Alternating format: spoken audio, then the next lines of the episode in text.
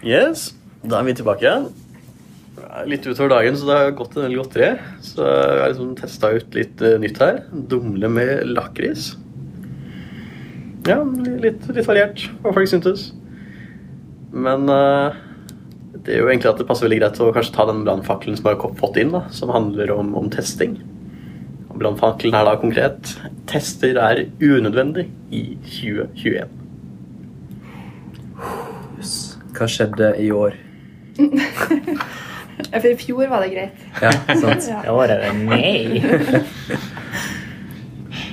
Jeg føler ikke at det er nødvendig å teste dumle med lakris for å vite hvordan det er. Men altså, det er jo fremdeles nødvendig med tester, da. Altså, Koronatester. Det er eh, høyst relevant. Høyst relevant. Mm.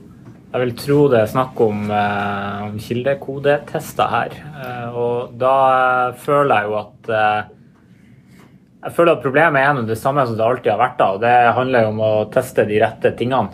Dvs. Si din egen kode og ikke rammeverk, f.eks. Det er jo gjerne en greie.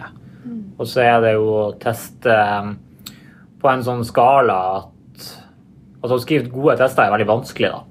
Er vel kanskje det som er litt av essensen her. Eh, Og tar tid. tar tid, gjør det. Uh, Men gjør du det rett, så lager du et sikkerhetsnett som gjør at det er trygt for noen andre gærninger å komme inn etterpå, som eh, ikke kjenner til det her. Um, og si, har du god navnekonvensjon på ting, så kan det òg være veldig god dokumentasjon også. Uh, mye sånne open source-prosjekter er jo Jeg har sjøl måttet sett på testene til et open source-prosjekt for å liksom forstå hvordan skal jeg bruke den komponenten her. da. Så det har jo den effekten med seg også. Det er også et eh, element av eh, Eller jeg tror vi alle har vært på prosjekter hvor vi har på en måte gjort en endring i koden, og så det, sitter man dobbelt så lenge og så oppdaterer testene i ettertid fordi at eh, man eh, brakk alle testene. Og det er jo eh,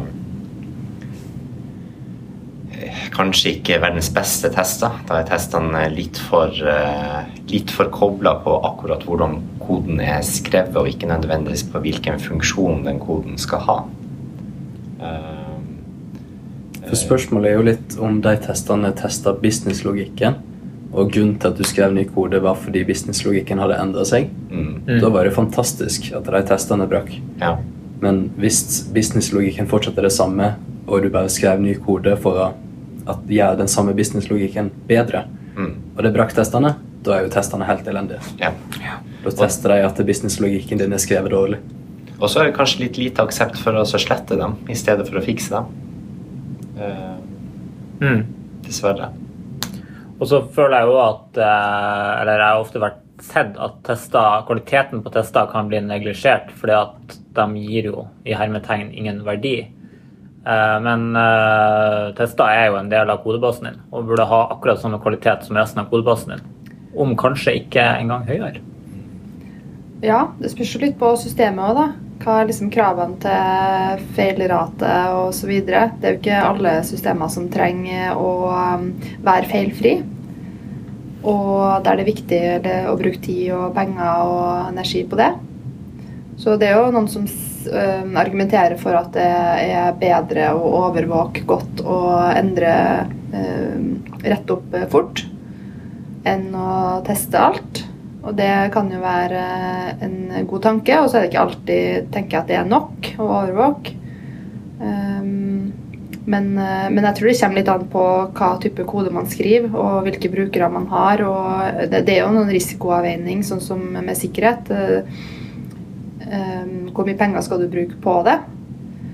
Um, men jeg vil jo også si at um, som utvikler så er det jo også uh, sånn trivselsmessig fint å ha gode tester når du gjør endringer. Så det er jo litt med det òg, da, og ikke bare risikoen for feil og um, det i prod.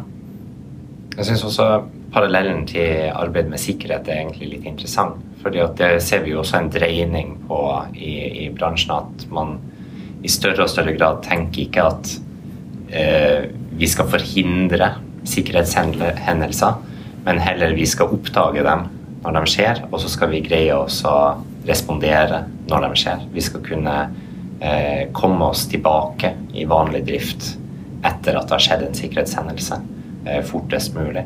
Og, og, sånn sett så er liksom monitorering av, av en, eh, andre typer feil også, ikke bare sikkerhetshendelser, så er det jo ikke noe tvil om at eh, overvåkningsverktøy liksom, for programvare er, gir mye mer hva skal jeg si, sånn bang for the buck eh, enn en nødvendigvis å skrive veldig mange tester. Eh, rett og slett fordi at man dekker alt på en gang. Du kan jo på en måte si det at eh, et kodebase uten automatiske tester, men med brukere, har implisitt tester. Fordi brukerne oppdager feil og rapporterer det til deg. Mm. Og det er jo den verdien tester gir deg, på mange måter. Mm. Eller forhåpentligvis å uh, rapportere de, i stedet for, å bare, i stedet for bare å slutte å bruke produktet. Da. Spørs hvor tolerant de er. Så, men det er jo litt sånn Når jeg argumenterer for kontinuerlige leveranser, så har jeg liksom to ting basert på hvem jeg prater med. Hvis jeg prater med en, en produkteier eller en businessperson, så sier jeg liksom at ja, kontinuerlige leveranser, så får vi jo uh, features ut fort. Og vi får jo testa dem, vi får verifisert dem uh, fort. Men hvis jeg prater med noen som er litt sånn ja, sikkerhetsfolk, eller de som er litt forsiktige av seg, så sier jeg liksom at jo, men da kan vi jo rette feil kjempefort. Hvis vi kan eh, fikse en feil veldig kjapt og lokalisere den, så kan vi jo rulle den ut med en gang. Og Det samme gjelder jo med sikkerhetspatching. ikke sant? Det er jo mye bedre å kunne gjøre det kontinuerlig enn at du må vente til releasevinduet ditt på fredag. Eh, hver 14. dag, f.eks. Så hvis du kan eh, leve med feil i produksjonen lenge, så er det jo greit. Men hvis du ikke kan det, så er jo egentlig kontinuerlige leveranser Jeg vil ikke si vel så bra som tester, det vil jeg ikke si, men det, det de komplementerer hverandre, da, ja. egentlig. Jeg tenker at det sånn, fort blir litt sånn, i hvert fall for meg, da, for det er litt sånn etisk dilemma. Da. Eh, det er denne ja, hvor, hvor, mye ansvar skal man gi brukerne sine for å teste systemet sitt? Uh, med å, med, både med å finne feil og altså det, det, Uansett hvor mye tester du har, så tenker jeg at det, det alltid vil være noe som glipper gjennom. Mm. Det er jo ikke det, på en måte, men uh, jeg frykter at når vi begynner å snakke om overvåking, at måte, det er den veien vi glir. da, At vi slipper opp uh, såpass mye, og at det går utover brukerne av systemet. Og når det er snakk om en, en, feil, på en måte, så er det ja, det kan være at det ikke er så ille, men det kan jo også være at en rapport eller en, et søknad som blir sendt inn, som er veldig viktig, ikke blir sendt inn, og så er det tidsfrister, og så har det en person som plutselig da får store konsekvenser i livet sitt fordi noe vi gjorde, ikke hadde en god nok automatisk test, eh, som er veldig kjipt.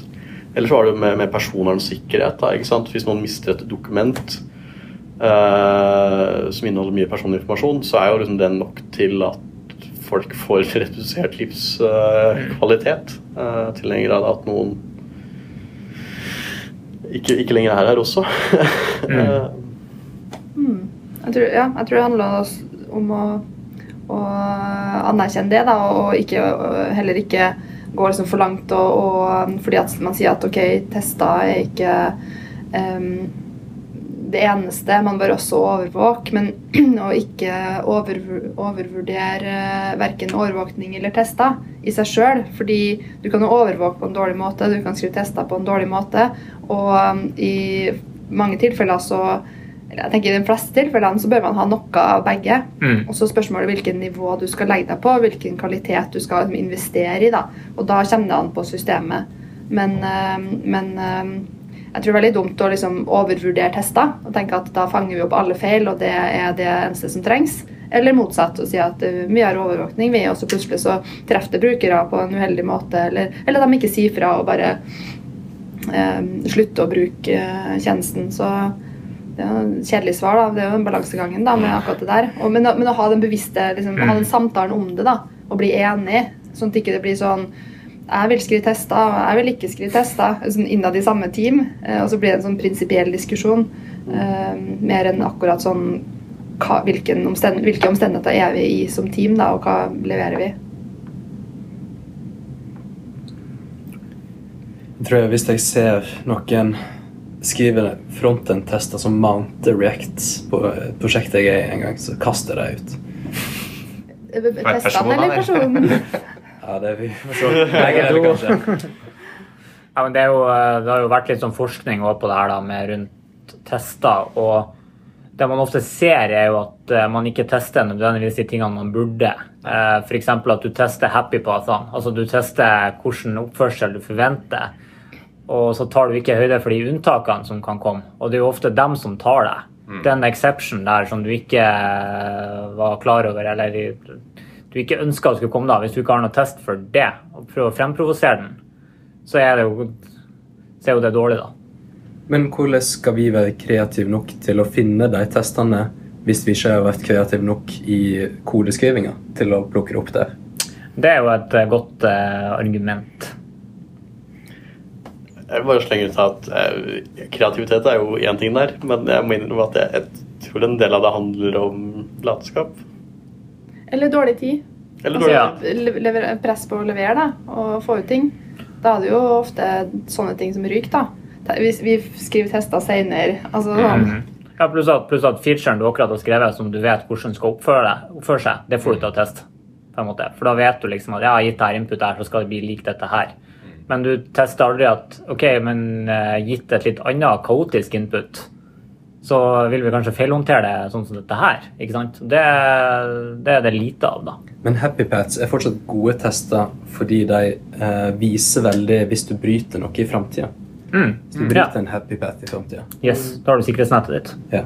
Jeg er blitt mer og mer fan av eh, hva skal jeg si, større og større enheter av tester. Mer integrasjonstesting. Mm. Eh, eh, egentlig monitorering som på en måte om, man skulle komme inn på et eksisterende prosjekt og det ikke var noe som helst. ikke sant? Jeg starta med monitorering, fått installert eh, noe sånn som Sentry eller eh, eh, Logrocket har jeg ikke brukt, men det er vel tilsvarende. Um, og så laga noen skikkelig, skikkelig eh, generelle liksom ende-til-ende-tester med en type Cypress eller Puppeteer eller Selenium. Eh, og så begynte også å jobbe men nedover i på en måte mindre deler. Men kanskje, kanskje aldri ned på sånn klassenivå, egentlig. Aldri ned under liksom et eh, request og en respons. Fordi at det er på en måte der, der funksjonaliteten til programvaren ligger. da. Eh, og der kan du teste både happy path og, og, sad, sad path. Men uh... Jeg har også veldig god erfaring med å gjøre det på den måten der. Og da kommer du også inn på et spennende tema som er et tema for seg sjøl, som heter code coverage, da, altså testdekning. Og hvis du gjør det der, hvis du liksom begynner så langt ut du kan, og så går helt i bunnen, så får du automatisk veldig mye testdekning av det, for at du kjører jo liksom alle løpene ned, da. Men så er jo liksom hvor mye verdi skal man sette i ren bare code coverage, da. for, for monitorering er jo det ultimate sikkerhetsnettet. Det mm. følger jo med på hva som faktisk skjer Live. i alle tilfeller er live i produksjonen hvis du har satt opp. ikke sant? Eh, og så har du jo kanskje ikke lyst til å så, eh, basere det utelukkende på det. ikke sant? Fordi at det ender opp med at du kan drive og release så mange ganger du gjør hver dag, men hvis annenhver release har en ny bug, så er jo det ikke en bra brukeropplevelse eller har på en måte mer alvorlige implikasjoner enn en bare at det er kjipt å bruke. Um, eh, så, så ja, man må ha begge deler. Og så er det jo også et element at hva skal jeg si, det å skrive tester før man skriver koden, veldig ofte leder til bedre designa systemer. Eh, Det fører ikke nødvendigvis til færre feil, men det leder til på en måte designa som om ti år så er det billigere å jobbe med den koden. Jeg, bare, jeg, jeg syns dette virker veldig spennende. Jeg bare begynte å tenke på dette med Var innom uh, businesslogikk eh, noen ganger også. Blir ikke det liksom fort litt klassenivå og testing på klassenivå og businesslogikk? Jeg tror ikke det som regel er så mye business... altså, Ja, du plasserer jo businesslogikk inne i en funksjon eller i en klasse, eller hva det måtte Mm. være, men til syvende og sist så er, har du jo på en måte en bruker som har lyst til å gjøre et eller annet med systemet. Ja. Det er på en måte det er inputet ditt. Og ofte så man, med de webløsningene vi jobber med, så manifesterer det seg som en faktisk HTTP request. Jeg har lyst til å opprette det her. Jeg har lyst til å sende inn denne søknaden. Jeg har Mm. lyst til å slette denne tingen. Eh, og så får man tilbake en respons på det. Og da toucher man jo innom businesslogikken. Man toucher kanskje også innom eh, litt middleware og sånne andre ting, så kanskje man har lyst til å hoppe inn liksom ett hakk inn der, der for å unngå å liksom faktisk drive og teste eh, på en måte web-rammeverket ditt og, og middlewaren som du har foran der, men liksom men, men ikke på en måte liksom hoppe altfor langt inn. Fordi at da driver du og begynner også å teste ganske langt ned i, eh, eh, i eh, implementasjonen. da. Og hvis du gjør det, så vil jo da kanskje eh, bli sånn mindre vedlikeholdbart. da. Ja. For da får du Mm. eh, veldig sånn tett knytta klasser og tester. og eh, Hvis du skal flytte rundt på ting, så Mm. blir det plutselig veldig tungt, for du må flytte rundt på det som er i testene òg. Og da får du de her eh, klassiske, veldig kostbare testene som har 1000 mokker, og de er på liksom på én funksjon i en klasse. og eh, når du Nesten uansett hva du prøver å gjøre i denne koden, så brekker du 15 tester. Du skjønner ikke hvorfor engang. Mm. Skriv rene funksjoner, så kan du teste funksjoner uten å måtte mokke opp og dependency. Ikke sant? ikke sant? Og ikke mokke ut, eller hvis du skal mokke ut databasen, så, så lag noe skikkelig, liksom. Mm. Ikke, ikke vær redd for databasen. Det er litt det jeg tenker på. Da. For min del så synes jeg egentlig det gir liksom en del verdi å kunne teste businesslogikken. Um, om enn bare fordi det gir litt klarhet for meg og det er mulig å liksom kommunisere med, med de som eh, driver med faget. da. Mm. Kunne kommunisere av, ja, gitt i denne tilfellet, hva, hva er utfallet av det? Men da er det jo liksom Ja, man bør helst ha det funksjonelt, så det ikke er mye å mokke og mye, mye jobb å teste. da. Det er jo li- litt ref det her med, med testdreven utvikling. da. At uh, Hvis du skal inn i ettertid i et uh, system som er objektorientert, kanskje, og som ikke har tenkt på testbarheter, så finner du veldig mye kreativt der som er vanskelig å teste. ikke sant? Og Det er jo derfor nettopp testdreven utvikling kan, eh, kan lete et bedre, bedre designa system som er, litt, som litt løsere kobla, kanskje. og ja. Ja, nei, det Jeg kjenner at jeg har mye å gå og tenke på etter den samtalen her nå. Så jeg tenker at det kanskje passer greit å runde av og ta noen minutter og reflektere for oss alle. Takk for i dag. Drypp er en lavterskelpodkast fra Beck, hvor vi diskuterer diverse temaer som interesserer oss. Og hvis du har et tema som du har lyst til at vi skal snakke om, eller du vil være med på en innspilling, ta kontakt på drypp.beck.no.